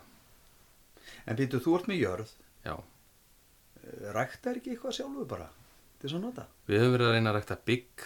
Svona hugmyndun okkar frá því byrjum var að vera sjálfum okkur nóg og geta verið með byggræktun og hérna humla bara í gróðurhúsi. En Ísland allar alltaf að reynast okkur erfitt þannig að við erum búin með byggræktun núna í fimm ár og við erum líka verið að rækta hafra. En byggið er bara ekki nóg, nóg sprettur ekki nóg vel erum ekki nóg belg mikið til þess að geta notað það í bruggunina. Við getum notað það með innfluttu byggi en þá er það ekki 100% íslenskt. Og, og þar draugu línu við viljum geta notað annarkort eða allt Já, það er þá bara veðurskilinu þegar sem að... að Jú, okkur vantar meiri En, en, en sérðu fyrir þér að fara að uh, rækta hampin bara sjálfur og eins og er, eða verður það, er hann ekki, hvar er hann, með, er það fyrir austan sem hann, það eru mjög margir komnir í hampræktun í dag. Já, þannig að þú þarf kannski ekki að gera það. Nei, ég, sé það ekki fyrir mig að við þurfum að fyrir að fara í þáli það getur vel verið okkur þetta hug, ég veit það ekki en ekki eins og staðan í dag Nei. En er bjór framleiðsla, er þetta arðbær bransi? Ekki náttúrulega ef þú ætlar að vera í vesinni allan tíman við, ríkið og svona, er það? Nei, menn, þú veist, ertu, þú ert búin að vera þá að halda úti í tíu ár. Já, sko, við hérna ástæðan verið því núna að við fórum í þessa vefverslun og erum svona hvað að segja, kannski með nefnum lofti gakat ríkinu? Er það að eftir allan að tíma þá erum við voruð skuldlust fyrirtæki? Við hefum ekki með banka á eftir okkur eða neitt þannig að við bara gerum það sem okkur sýnist. Og þetta er partur af því, það var vant að gera það ef maður var upp á okkur annan komin Mm og þetta er bara ég og, og frúi mín sem að eigum þetta. Og hérna Já, sem betur fyrir hún klippari. Já, hún getur alltaf hlaupið eitthvað annað eða allt þetta fjölda en, en, Mér langar en, að vinna með þér, já, farðu að klippa. en ef að þetta sem sagt ef, ef, ef ég fara að byrja aftur í dag þá myndi ég segja nei. Þetta, þetta er enga veginn albart það sem hefur bjargað okkur er túristin. Já, og við hefum keirt mikið á því. En þessi, það var klift á hann í fyrra. Þá þurftum við að fara að hugsa eins út fyrir bóksið já, og það var vefsalan sem að tók við þar. Já. Þannig ef að vefsalan væri ekki, þá væri þetta mjög. Já, En útflutningu núna? Útlunningun hefur minkað líka mikið Já, þá bara út af ástand í Já. landunum og svo framins. Já, flutningskostnaðir aukist og það er svona ímislegt í kringu það sem er ekki hjálpa akkurat. En það skiljið það verið, ég sko, fyrir mér ætti bara að- framleiða hverju landi fyrir sig. Já, já, aftur, ég meina, akkur er ekki eitthvað svona fókus á það sem er gert innanlands, af því það er, virðist vera, það má með lambið eða kjötið. Já, já, ég er svo, svo sem er búin að fá rauninni flesta þingmenn til mín í kynningar og annað slíkt og, og þeir sína þessu allir mjög mikið skilning og vilja laga þetta og vilja breyta. Það sem að mér finnst bara vant er að sko að fólk, eða hvað segja, knýfylgjum í knið, kviði eða hérna, vantir svona pungi í að þvora þessu umröðu vegna þess að þegar við kemur að áfengi þá er þetta á móti ákveðnum öflum sem að stýra svolítið umræðin og, og það eru fæstir sem vilja eða þvora bara á móti þeirra umræðu Mm. Já, já, þú eh, situr nú á móti einum hérna, það er ég, af því að ég, sko, ég sé ekki tilgangin í að fá uh, áfengi í búðir, af því að þetta er bara, ég veit ekki, það, ég hef grunum að þá verður ekki frambóð fyrir fólk að kaupa eins og þína vöru, eða þá hún verður svo dýr að það er ekki hægt að nota það, sko. Við vitum það að bara að bónus og, þessi stóru veslarinn það mun flytja inn sinni eigin vörur komið júrósjópur, bjóra og annað slíkt Mm. og hérna tækifæri, maður reynir alltaf að róða í ákvaði í öllu og tækifæri sem maður sér við ef þessi löggi eru hlift í gegn sem er ekkert í gangi í dag Mm. er svo að, að við getum kannski verið með sérverslanir þá getum við kannski ofna stæðjabúð og verið með svona gúrmeverslun eða ostaverslun eða eitthvað og selt þar eins og er kannski meira erlendis. En, en í stóru mörkunum og búðunum verðum við svolítið ekki í búði sem er náttúrulega líka því að nú er tiltekinn verslun eh, sem að selur ekki tóbak. Ég meina, akkur ætti þær að þá fara að selja bjór? Er ekki jafn skadalegt eða þú veist, selja áfengi í búðum. Þú veist, ef þú vilt ekki selja síkartur ég bara hvað er arðbærara? Þú segir þessi frekar. Já. En er þetta he, sko, ekki það að, að, að það tók nú langan tíma að fá beint úr bíli með kjötið? Sko, heldur þetta, sérðu fyrir þetta, þetta muni takast? Já, já, þetta hefst. Mér finnst reyndar, ég ætla að segja, ég er ekki að móða því mér finnst, mér finnst þetta svo sem ekki neitt skipt ekki máli, sko, ef að þú sjálfur sem framlegandi getur bara dreiftis eða gert það sem þú mátt selja í, til, eins og til bjargastens að, að við meðum bara fara og ná í hjá þér og kaupa, eða hvernig sem þið hafi hugsað þetta, sko. Að mér finnst að þetta svona tvent, sko, umræðan er þetta með, sko, hvort að aðgengið í stórmörkunum verður bara vodki og eitthvað svona, veist, að það er það sem að maður hefur áhyggjur af, af því að við Íslendingar sagan er ekki alveg með okkur. Nei, nei, hún var það ekki heldur 89 þegar bjórum að leiður nei, nei, en bara menningin hefur breyst alveg svakalega mikið síðan þá. Sem er reyndar alveg rétt. Og ég, ég horfi kannski ekki áfengi sem bara áfengi vegna þess að bjór fyrir mér 5% bjór er ekki það sama á 40% vodki. Nei, þannig að ég, ég sé alveg stóran greinaminn þarna á að gera greinaminn þarna á. Já, og hvort að bjórin er í leiður í hillunum eins og til dæmis í Finnlandi allt upp í 4,7% mhm. Það finnst mér mjög saklust eða hvort að allt upp í 40% eða 100% er leift það er eins og náttúrulega hitt líka þeir sem hafa við vandamál að stríða fara þeir ekki bara í kardimandrópana eða hvað þeir vantar á sundu jú, jú, jú, það er náttúrulega sa- sagan segir. Hvern, hvernig ætlar að stýra þessu en, en sko mér finnst, mér finnst reyndar alveg sama hvort að menn séu með á móti að fóti í Vestlanir að, að þá verðum við nú alveg að líta á það og ég hef nú oft bent á það að úrvalið hjá okkur á landsbyðinni er ekki neitt. Hvað eru við með 100 sorta Vestlun hér? Það getur vall orðið verra skiljiði mig Já, já. Að, að fá, Já, fá þetta í, í Vestluninnar allavega út á landi. Ég meina það, það er bara þannig sem það er og, og við náttúrulega við upplifum það í veitingageranum og ég er alveg klára því að kollegarnir mínir upplifa það að við fáum fólk inn á kant sem er alveg í, stökustu vandræðum hefur verið að bjóða fólki í, í mati sín í sumabústæðin og ríkið er ekki opið eins og í Reykjavík skiljiði mig, það bara gengur út frá því að það sé hægt að ná í rauðvín með matnum. En, en, en það er ekki hægt. Og þannig að, þannig að það er nú svona allur gangur á þessu. Já, já, en, en, mér finnst þetta sko nú erum við, við konir helviti langt inn í, inn í annan tíma á, á, á, á viðtali. Já, já og, og hérna ertu ekki að grínast mér, þetta er nýbyrja og við erum ekkert búin að tala um mat. Jú, bjórum matur en, en hérna, Eh, hvað borðar hvað borðar hérna Dabjörður? hvað, borða, hvað er Já, mest, mest að, hvað er svona, þú veist, nú náttúrulega lítur að kósa þig með mat og öl og eitthvað svona. Ég meina, hvað, hvað, þú hvað ert búin að búa svo allt og lengi í Danmarku þannig að Kósa kósa sig? Kósa sig, kósi þig hvernig kósi þið ykkur hjónin saman? Hvernig kósi þig hann heldur hann séð að tala við ykkur á já, vangjarni já, þú veit náttúrulega sko. rugglit allar. En hvað, já, hvað er svona matur fyrir þig? það er bara, það er allt matur. Og, og lambakjöt er mest að borðum hjá okkur. En svo er fisku verið þegin og það er bara allt. Og svo er bara mismunandi hvaða bjóri með hvaða mat, hvað henda best. Og þá er ekkert verið að tala um fyllir í það. Er kannski bara deilt einnig flösku saman eða eitthvað til þess að eins og segi, njóta með matnum En, en það er nú skemmtir þú segir þetta þegar við vorum að tala um það við Söru þetta með sko menninguna að því að þú ert kannski framlega, ert að framlega eitthvað óafenga bjóra? Já, sko að því að, að nú er ég búin að það allt í- lítur eiginlega að vera hér en við erum búin að auglýsa það svo oft fyrir hann Já. Nei að því að allt í einu þá hérna er, maður er að horfa á erlenda stöðvar og þá kemur sko auðlýsingar fyrir sko þennan bjór og hann er 0% og þá er ég alveg skil ekki alveg sko, eins og náttúrulega var ég búin að gleyma því að það er kannski fólk að núti sem að, að drekkur ekki en kannski finnst bræðið gott sko.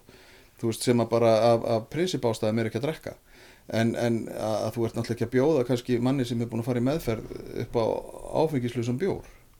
Við erum erum ekki með áfengislega bjór, við erum með límónaði sem við erum að framlega Já, og höfum verið samstarfið fyrirtæki í Grindavík sem heitir Kotland. Þeir eru að framlega sem sagt kollagenprótein úr þorskuróði og við höfum verið að gera límonaði kringum kollagenpróteini til að gera það svona neytenda vænt og við vorum að koma með nýja vöru þessi var heitir semst Alda hjá okkur. Og er sigurlaus eins og allt annað frá okkur. Og við vorum að koma með nýja vöru núna sem heitir alda gúrkudrykkur. Þar fáum við gúrku úr sveitinni á okkur og, og engin sigur náttúrulega. Og kollagenbrótin þannig að þú drekkur þetta og þú yngist bara um hver mikið á leiðinni Þannig að Dagbjörnstur er kannski 75 ára. E- Erum við að Hann er selja bara búin að drekka svo mikið þetta? Erum við að selja þetta? Við, Bjarni. við höfum verið að selja. Við vorum, Öldu. ekki með það, við vorum ekki með það í fyrra. Nei, við vorum í pásu í fyrra vegna þess að þeir voru að reysa veksmiði í Grindavík núna sem er að fara að fulla stað núna þannig að við erum að fara aftur í þennan drikk núna eftir, eftir einn áspásu. Já, En þetta, að því að við vorum við komum að sinna á þetta með Söru sem er í sjáarpakkhúsinu í Stikksólmi uh, þetta með sko að því hún, hún kom inn á það að hún drekkur ekki en henni finnst mjög gott að fá húst, hún vil alveg líka geta haft möguleika ná sko að vera með flott glas og fá raut og eitthvað svona sko. Að, að þessi, að því þú kemur nú inn á það að, að þú sjálfur því hjónin kannski er að fá ykkur bara eina flösku eða þú veist að það er ekki verið að drekka til þess að verða því að það hefur svona verið í gegnum tíðina þetta með að þú gast ekki opnað flöskunum að klára hana sko. Nei, þannig að sko þessi menning helduru að, að þú veist, er hún að breytast? Alme, finnst þér hún hafa breyst? Af því að nú manst þú kannski já, þú varst náttúrulega bara tíu ára þegar bjórin kom uh, eða sem þetta var leifður og svona. Þú veist að þegar þú byrjar að drekka eða að því að ef að þú gast ekki drukki bjór að þá sko var það bara fösta lögadar og svona, þú veist, eru við að það er alltaf verið að vísa í sko, ég þetta má í Þískalandi og þá segi ég alltaf, já, þjóðverjar eru sem sagt ferkantasta þjóð sem til er í heimi og þar eru bara reglur, reglur. Þeir eru ekkert alltaf verið að brjóta þeir sko. þar er bara allt loka á sundum. Þetta er svona sko, gætu við sko, eru við er þjóðar karakterin þannig að við myndum þóla þetta? Við erum náttúrulega mjög ungur karakter hérna á Íslandi og hérna þegar ég var allast upp og í kringum aldamótin þá voru sveitabólin svona að deyja.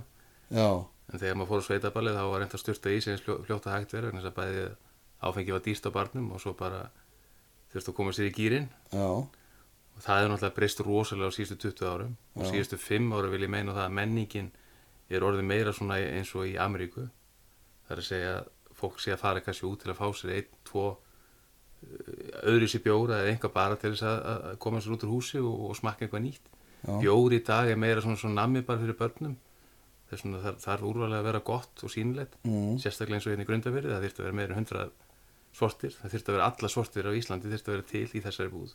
Já bjór þar að segja. Já, já, og ekkert mikið þeim bara, bara, bara vera í bóði en í Þýskalandi til dæmis sagði einn kona mér það að hérna, ég var einmitt að ræða þetta við hana fyrir svona hátt í tíu árum hvernig, hvernig þeir færa að þjóðverjar. Væri bjór bara í ískapnum fram eftir uppel, uppeldi á krökkunum getur þeir gengið í bjórn eins og þau vildu. Og hún sagði bara að þetta væri bara innbrynt inn í, inn í fólki það sem sagt, þú elst upp með bjór sem bann þú mátt alveg smakka það annars líkt en ég meina þetta verður aldrei vandamál. Hérna á Íslandi máttu máttir hún ekki drekka bjór fyrir 20 ára. Og hvað gerist þú ferð að megi einhver sem mátt ekki í staðin fyrir að alast upp og byrja virðingu fyrir því. Þú náttúrulega bara dettur í það.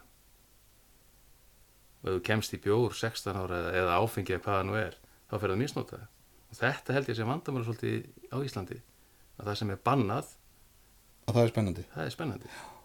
Og sama það er náttúrulega kom bersinni ljós með kvalabjórin hann var bannaður leiður í smá stund seldist upp. Þarna er Ísland í nótskvöld já, í staðin fyrir að bara hafa bjórin í ískapnum segja börnunum það að þetta sé fullonistrykkur og, og bara bera virðingu fyrir því. Ef þau vilja að vera forvitin, jú, með smakka og annað slíkt og bara með fóruldrunum og ala börnunum upp með þessu.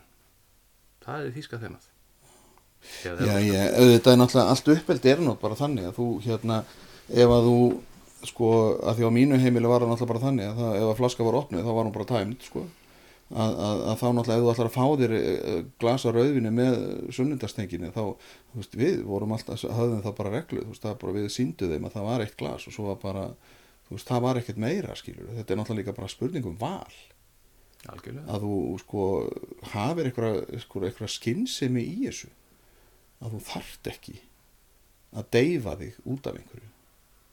Já, þú veist, þetta er alveg, þetta er bara spurning sko, hvernig þú snýrið þessu fram og tilbaka Já, ég veit, eh, þegar öll er að botnum kvöld þá er þetta þitt val og þín ábyrð já, og bara því fyrir sem þú áttur á því að þú ert að bera ábyrð á því sem þú gera þá verður þetta allt í lagi. En það er bara svo margt í þessu að því að það var talað um að ef það verið opnað á þetta þá er þið sérstakur forvarnasjóður og, og í mínu hjarta þá er það bara þannig að allt sem er þegar stjórnmænumenn fara að tala um svona að þá verður það aldrei til. Að því að eins og að síndi sig þegar að, að snjóflóði fyrir vestan núna í vetur uh, aftur á vestfjörunum að þá var ekki snjóflóðagarðurinn komin og það er hvað 15 ár síðan að stóra snjóflóði var og það er ekki ennþá búið að gera garðana en peningur nátt alltaf að vera til sko. mm.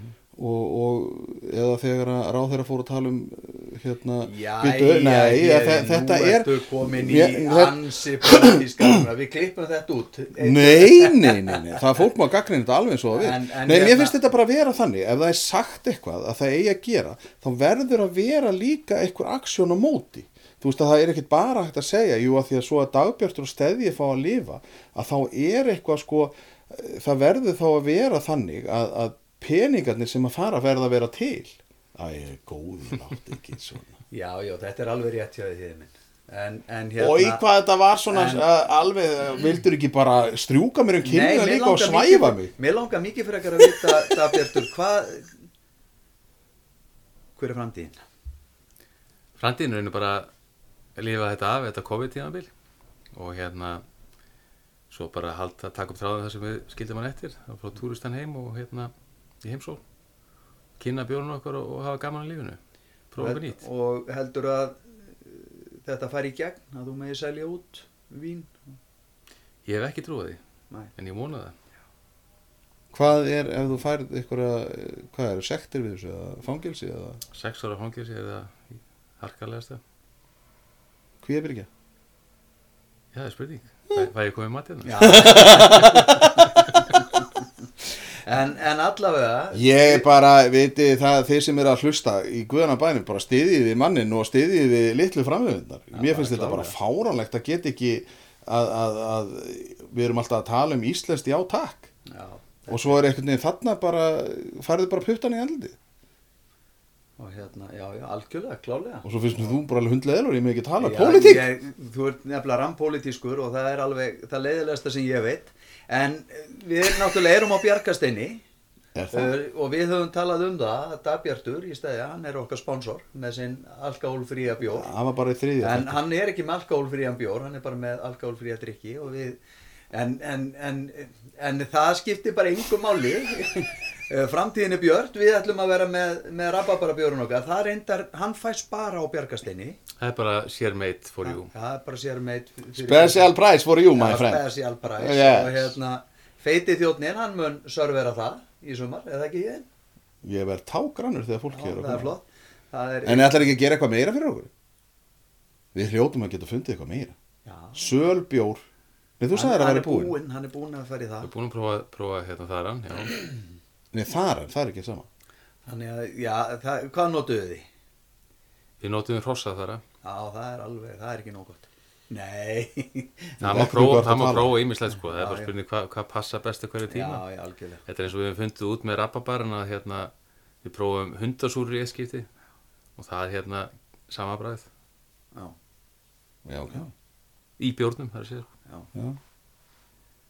Ég, ég er margs fróðari, ég, en, þú Já, veist, geggjað. ég er náttúrulega margs fróðari að ég er bara gáttaður á þessu kerfi. já ég, það, það er samt e- einhvern veginn, þetta kjöf mann ekkert á óvart Nei, nei, þetta er ríkið. bara ekki neitt Nei, nei, og, þetta er og, bara hérna, og, og það, er svona, það er svona síður aðeins innra með manni en, en, en gaman að fá þetta Björtur Bara- bara meira átt að nú förum við að fá okkur kaffu og getur raumbita ég búið Helga í góðu En það er ekki, og ekki að þarmann. leiða vorum að smakka þarafínið. Hann er búinn.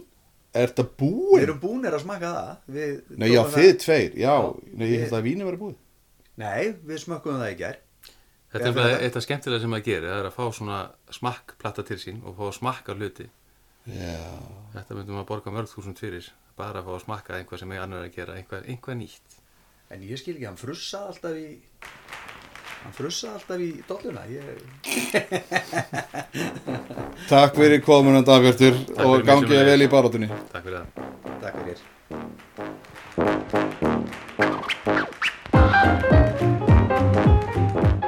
Þið voru að hlusta á hlaðvastáttin Munnbitar og menningavitar og ef það er eitthvað sem að við félagarnir getum aðstáða ykkur með eða þið viljið fá upplýsingar eða er þið með eitthvað spennandi nöfn sem að við getum kannski fengið í heimsók til þess að tala um mat, menningu og fleira?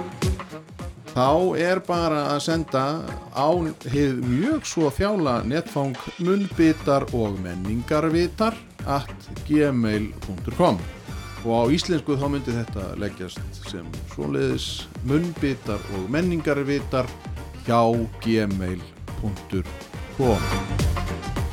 Takk fyrir